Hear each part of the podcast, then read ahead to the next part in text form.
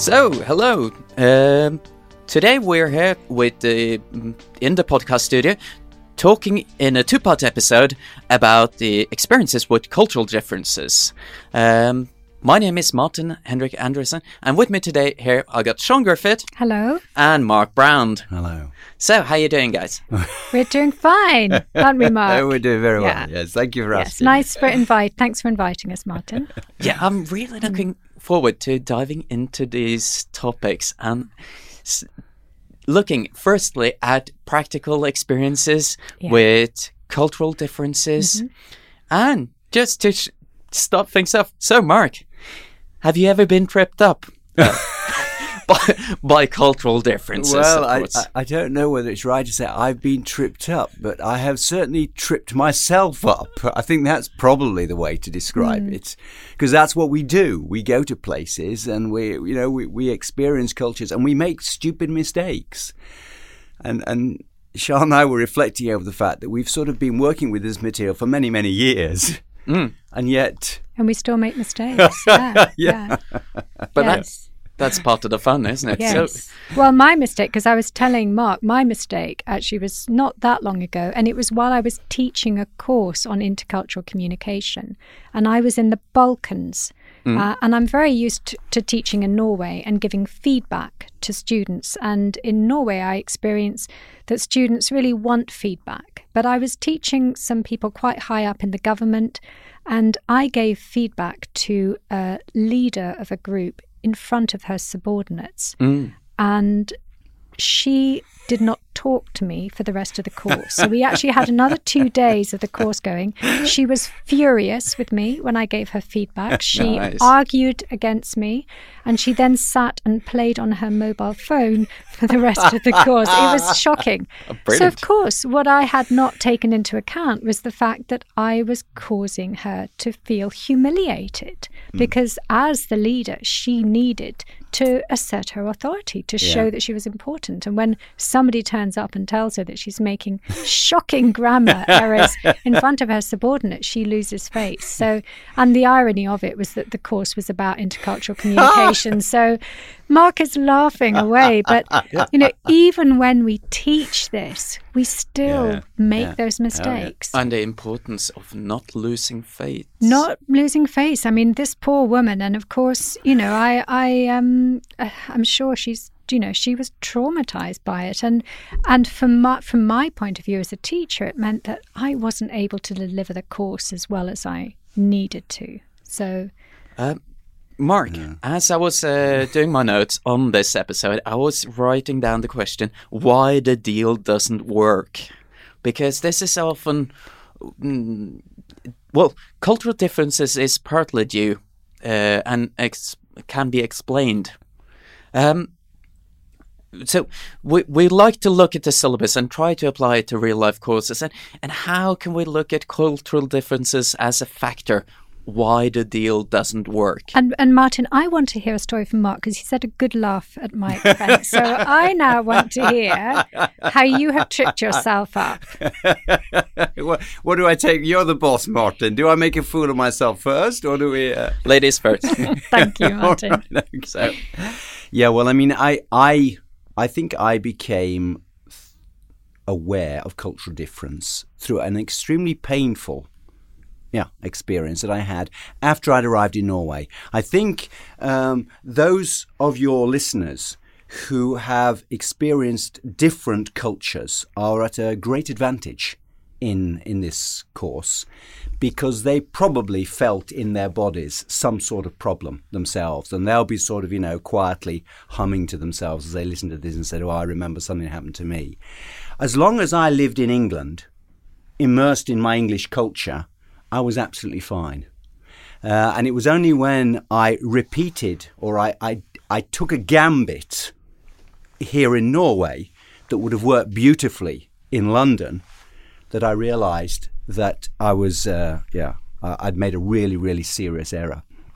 And the error was simply that um, the English communicate in, in what the listeners are going to uh, hear uh, after a while as a high context, indirect style.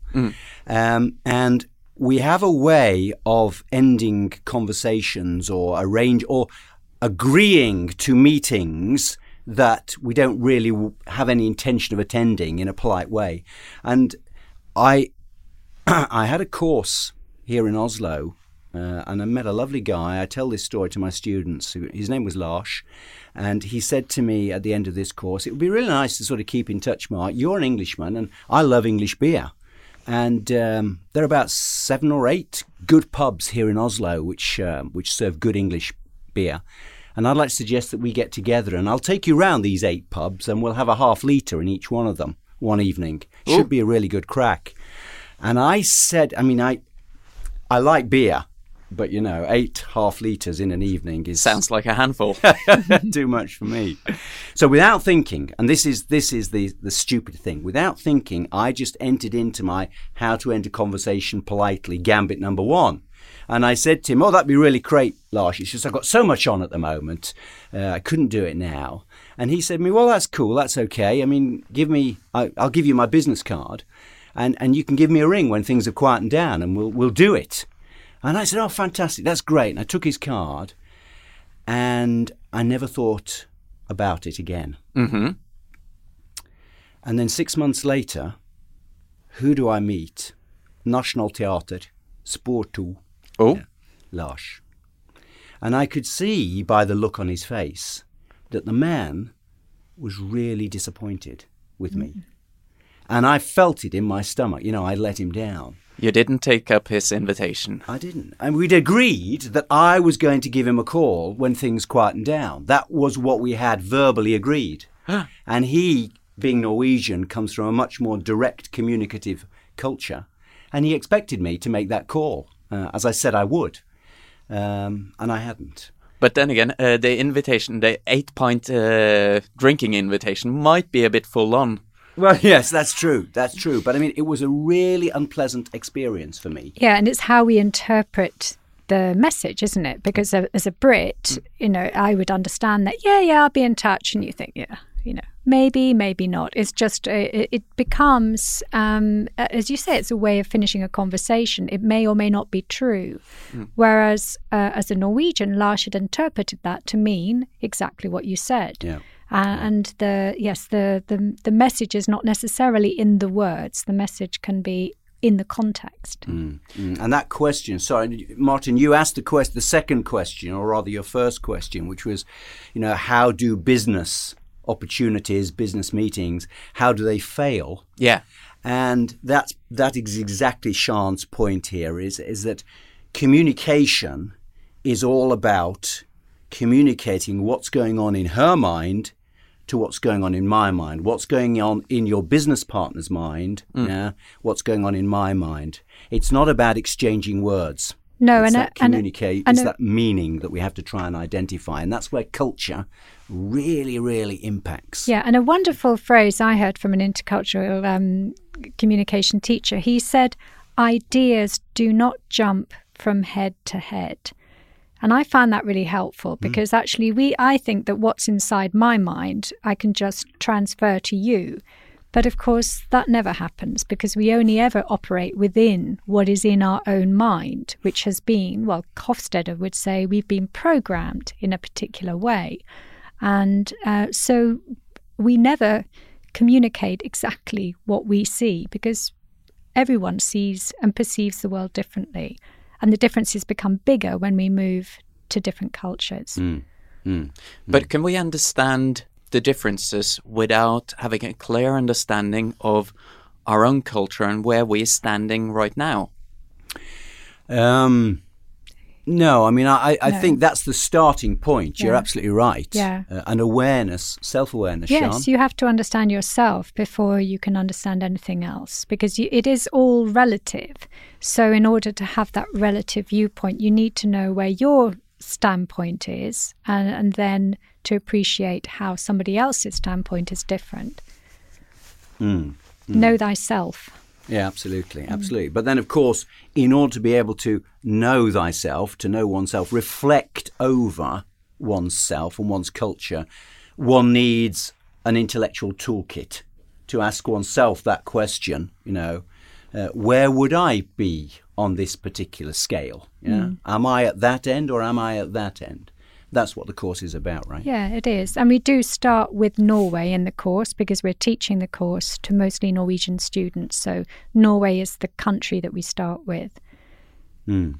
And I'd like to take a step back and uh, dive into the toolkit and Yeah. just look at the major components which um, are researching and what the um, academics are uh, explaining cultural differences with. Right. So right. the toolkit you're using in this course. Yeah, the toolkit. Well, I mean, I suppose if we're talking about purely the intercultural part of the Yeah. course at this stage, the 70%, um, can we divide the toolkit into four compartments, Siân? Is that Yes, make yeah. yeah? We'll divide the toolkit into four compartments.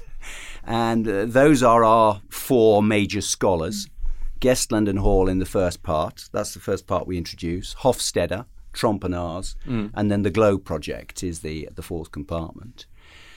And then in each compartment, Yeah, there are then uh, different, uh, well, dimensions is a term which we use, which are really ways of uh, measuring and understanding behavior, um, ways of identifying where where the big differences lie. So, for example, we were talking about communication and uh, the experience that Mark had. Uh, Mark mentioned the term high context, low context communication. That is a, a tool that Hall gives us, and then Gesteland uses in his book, uh, and that's a way of of looking at how how people communicate and whether the message is contained in the words or whether you have to understand the context around the words, like the age of the people speaking, seniority, gender, what's happened before. You know, do you have to look at it in a wider sense or not? So that is a tool provided by um, Hall and Gesteland. I don't know if you have any feelings about. I mean, Hall is dead now. Yeah. He was. Uh, not that that makes any difference, but so is Aristotle. and we will soon be dead ourselves. But while we are still alive, uh, I'm just thinking about the research. Do you have any Yeah. thinkings, uh, any thoughts, Mark, about the research methods that Hall used? Because really, Gesteland, who's the first compartment, um, this businessman, he, his a lot of his findings are based on his empirical uh, research really you know how he experienced his meetings. So he's he's written a lot really about it's about Richard Gesteland going out and doing business but then he brings in Edward Hall. Yeah, yeah, yeah. I mean, it, that, th- when we talk about Gesteland, the, the, the first comment I'd like to make to to the listeners about Gesteland is that he is descriptive in his approach. He's been out there with his briefcase and he's visited these different countries. Um, and on the basis of that experience, he's making these very, very broad generalizations about the business behavior of people in specific countries. And we don't have the whole book on the syllabus, we just have the theoretical ideas. Um, but over half of his book is this series of, I think he's up to around about 35, is it? I can't remember. Is it 50? I can't remember how many different country profiles he calls them. Yeah. And basically, his sell there, Martin, is he says, if you go to this country here, I will promise you that this is the way they do business. I don't think he uses the word promise No. actually Mark All but right, you know but it's likely yeah. the stereotype alarm is ringing inside my head right good now. student you're looking like an A student you'll do well yeah, I mean that's it. That's that's exactly it. He he talks with this. If you if you see him, we still have a video of of him. Uh, he was here at BI a few years ago, and Really? yes, yes. He, he gave a he's a lecture to few the times, students, and he has. He's one of these big old sort of white men with a beard, sort of type stuff. He doesn't have a beard, but you know he talks with incredible confidence as he makes, as you say, these I'm imagining him with a beard right these, now. these That's okay. generalizations Yeah. uh, about you know la- countries with millions and millions of people. Yes, and it's difficult when you get to China. I mean, we now include China in the syllabus, and I think how can you make generalizations about such a huge country? How dare Uh, you? How dare you? And of course, there are huge, there are huge um, divides, north, south, east, west, generational divides as well, Mm, and um, and divides as well based on the job you do. Yeah, yeah, yeah. But then on the other hand, the students love him. Uh, he's a nice, easy read, um, and therefore he's sort of very approachable for students. Um, and as with all this, we talk about this, you know, the dangers of stereotyping, but there's always this sort of little kernel of, oh yes, of truth. Yeah, yes. that's the way it was when I was there. You know, I have had students who say, you know, "M- my mum was in Asia.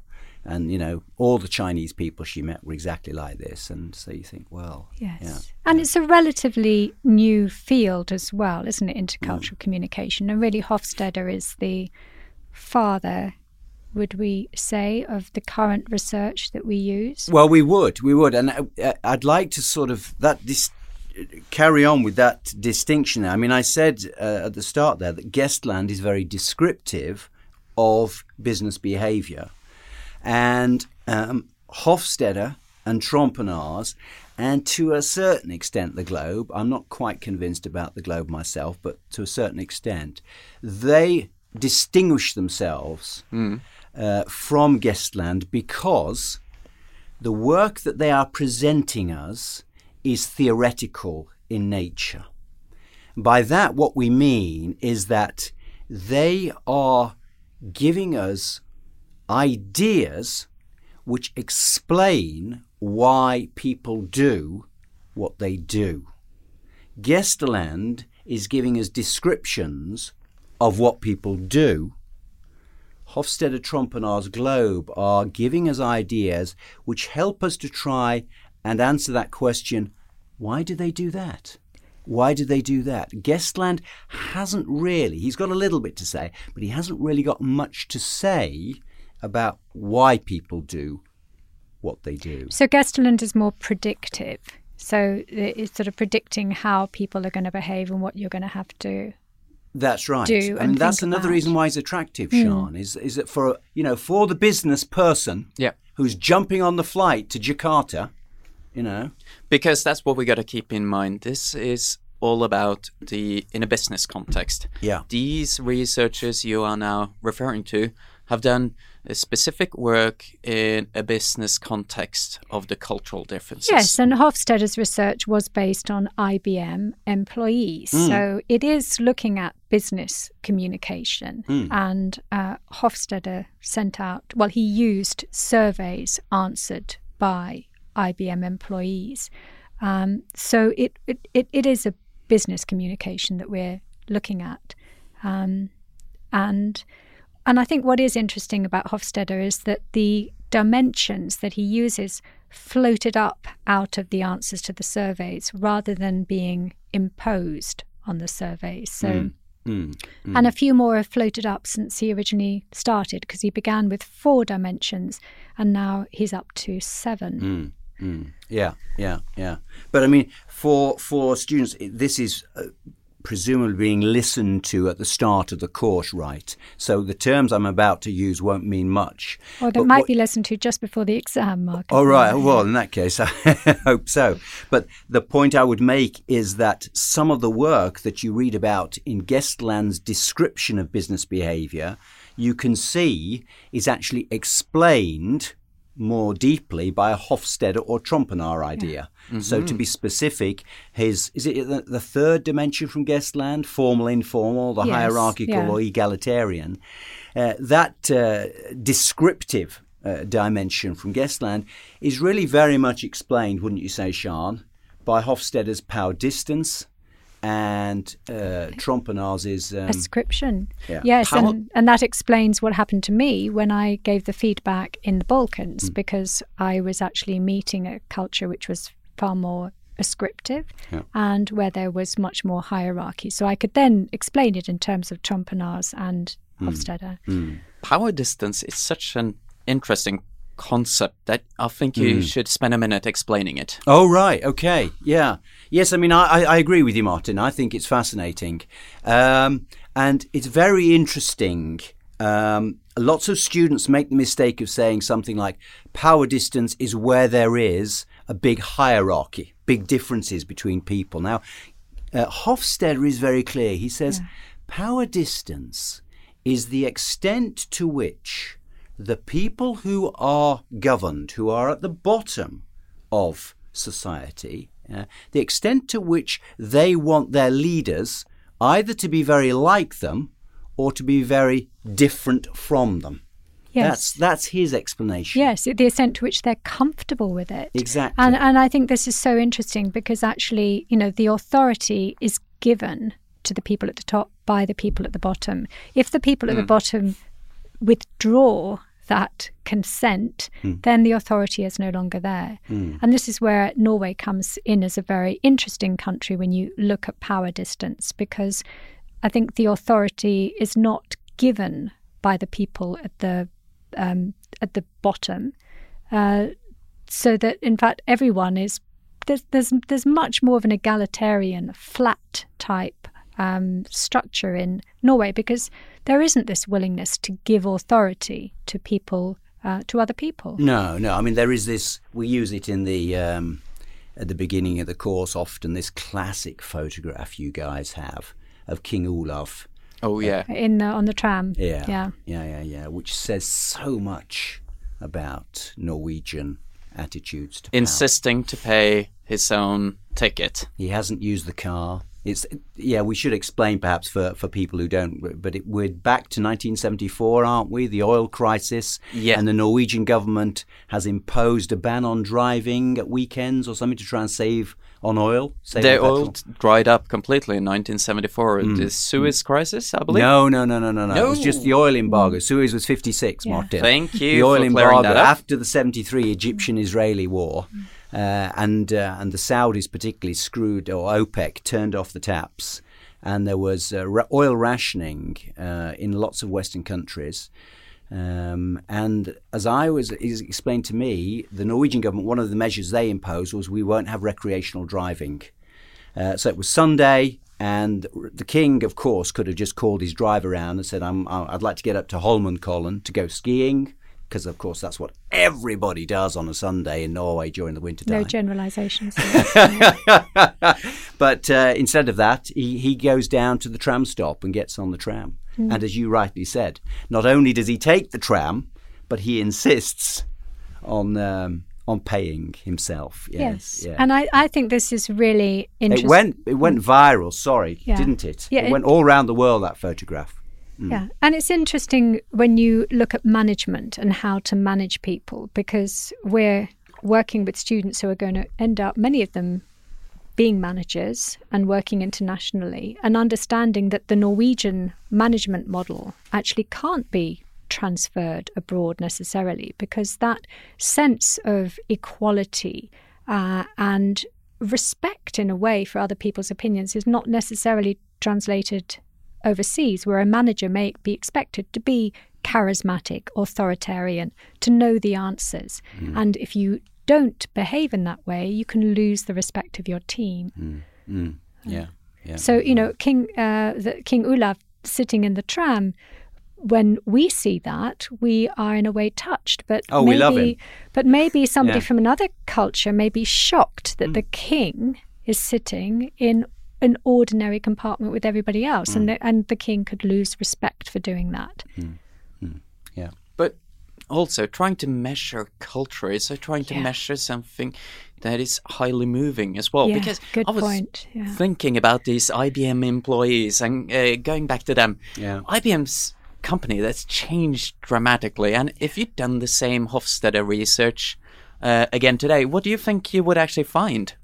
Well, I mean, we're getting back to the stereotyping issue here again, aren't we? I mean, I, I think I love with, stereotyping. Yeah, with e- with every every year that goes by, these generalizations about national cultures are getting less and less relevant. And you know, um, as as course responsible for SPÅ 2901, uh, it's my responsibility to make sure that we we are constantly in dialogue as a teaching team about the syllabus um, and about you know new research coming on.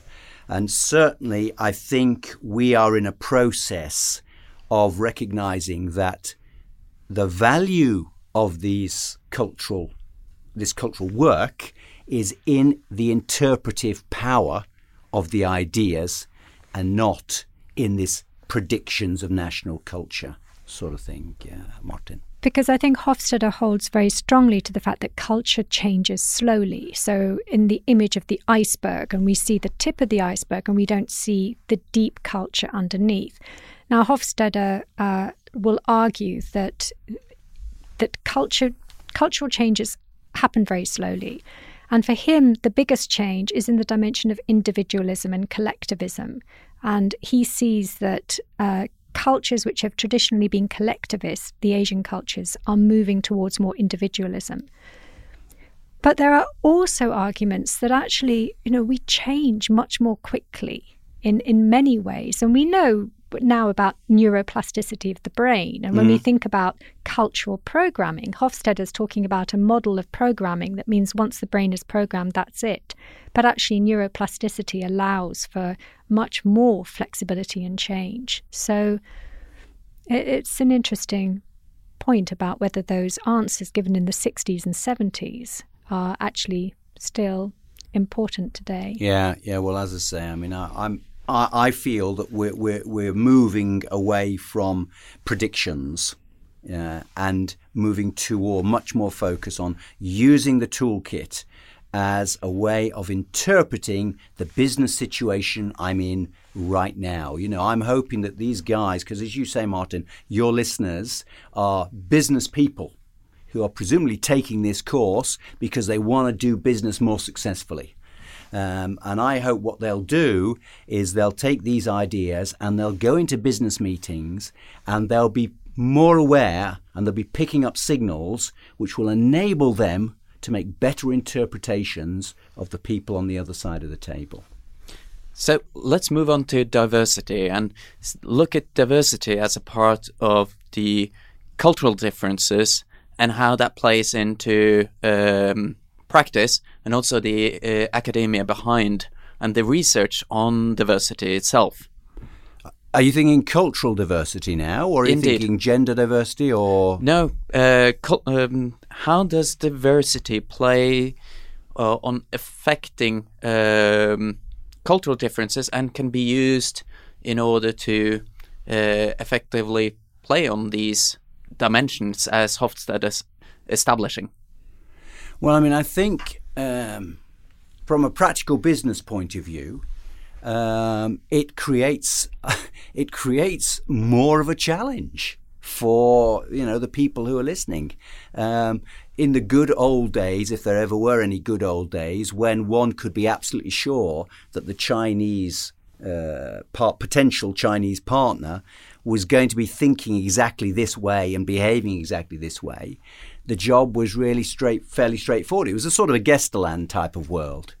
Um, yes, but, but, nowadays, I mean, a Chinese student may have studied at Harvard. They might have studied at the LSE. Absolutely. Um, we see that there's a lot of um, new understanding. I mean, globalization, the fact that we are all traveling more, we're um, we're picking up so much more information f- online from mm. the internet and from communication. So, actually, what is shaping us? What is informing us? What is um,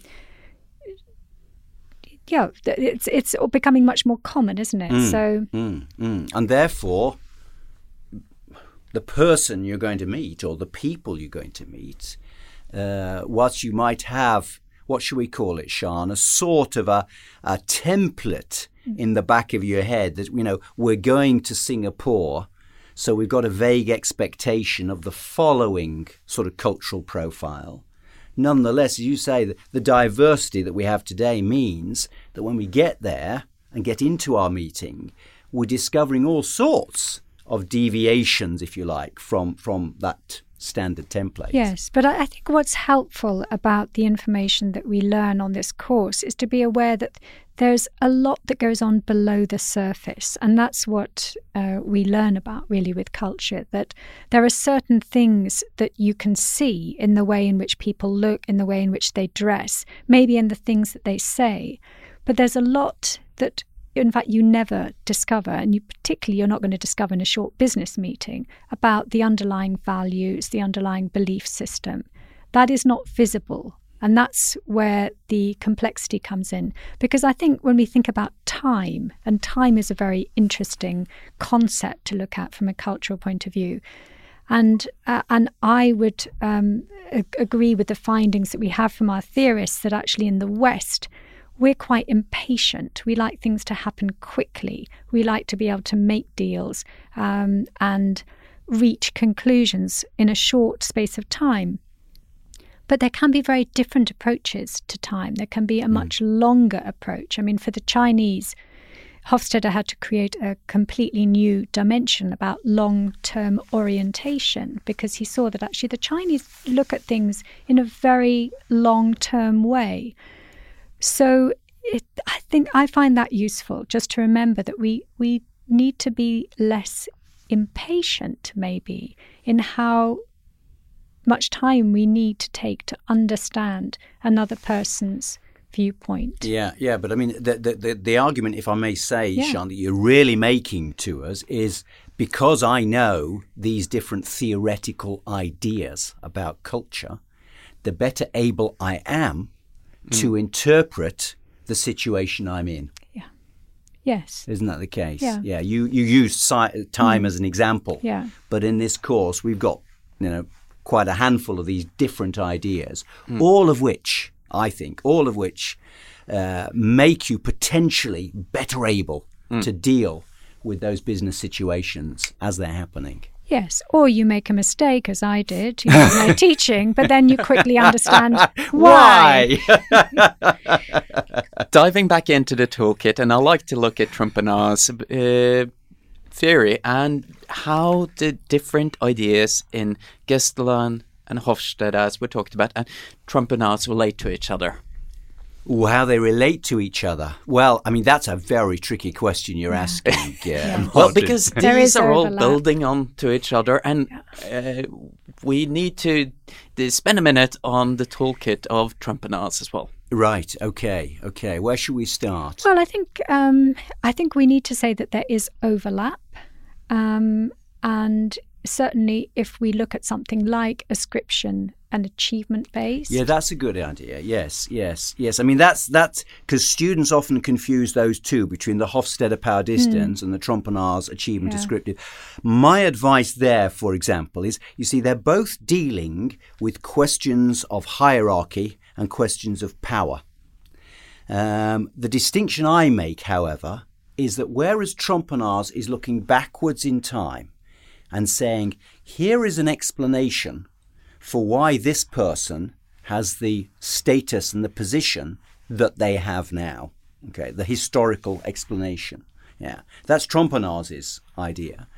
Hofstede is saying, rather than look back in time, what I want to look at is the reasons why people um, deal with power differences that exist or don't exist. So he's more in the now, looking at the way in which things are working out in the organization. yeah, So there is a distinction there which I think we can make, although they're often sort of confused by students. yes. And if we think about particularism and um, Universalism, universalism as well, I mean that that always strikes me as being uh, a different take from Trompenaars on on human um, behavior, on interpreting human. Yeah, yeah, behavior. yeah. I mean, that's that's a nice one for me. He's that's a very distinctive dimension because it's all about how do we decide?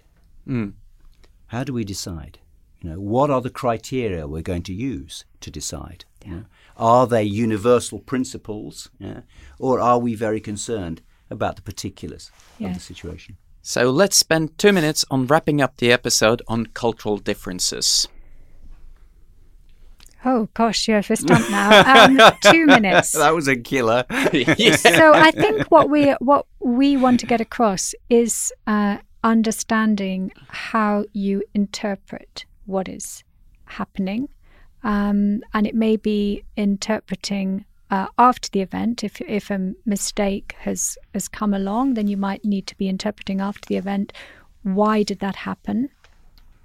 Um, and understanding that actually we all interpret in different ways. So having a sense when you go into a room and you're meeting someone, uh, a sense of the research which um, shows you the the way in which somebody has been shaped. You know, what are going to be the different influences and factors that have shaped that person's way of thinking, mm. so that you can put yourself in the other person's shoes. Because mm. really, that's what we need to do to communicate effectively. Yeah. Yeah, yeah. I mean, we, we have to go back to Siân's earlier point, I think, as we finish, which is this uh, the fact that when we are communicating, we are not exchanging text and words verbally or written.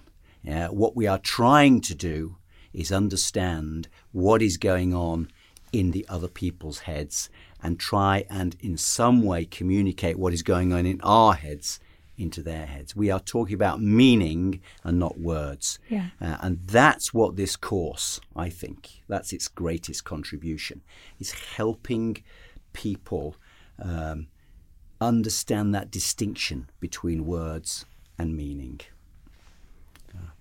Mark, Siân, thank you very much for this today. Um, my name is Martin Andresen. Today we had Mark Brown and Siân Griffiths Thank you. Thank you. Thank you very much, Martin.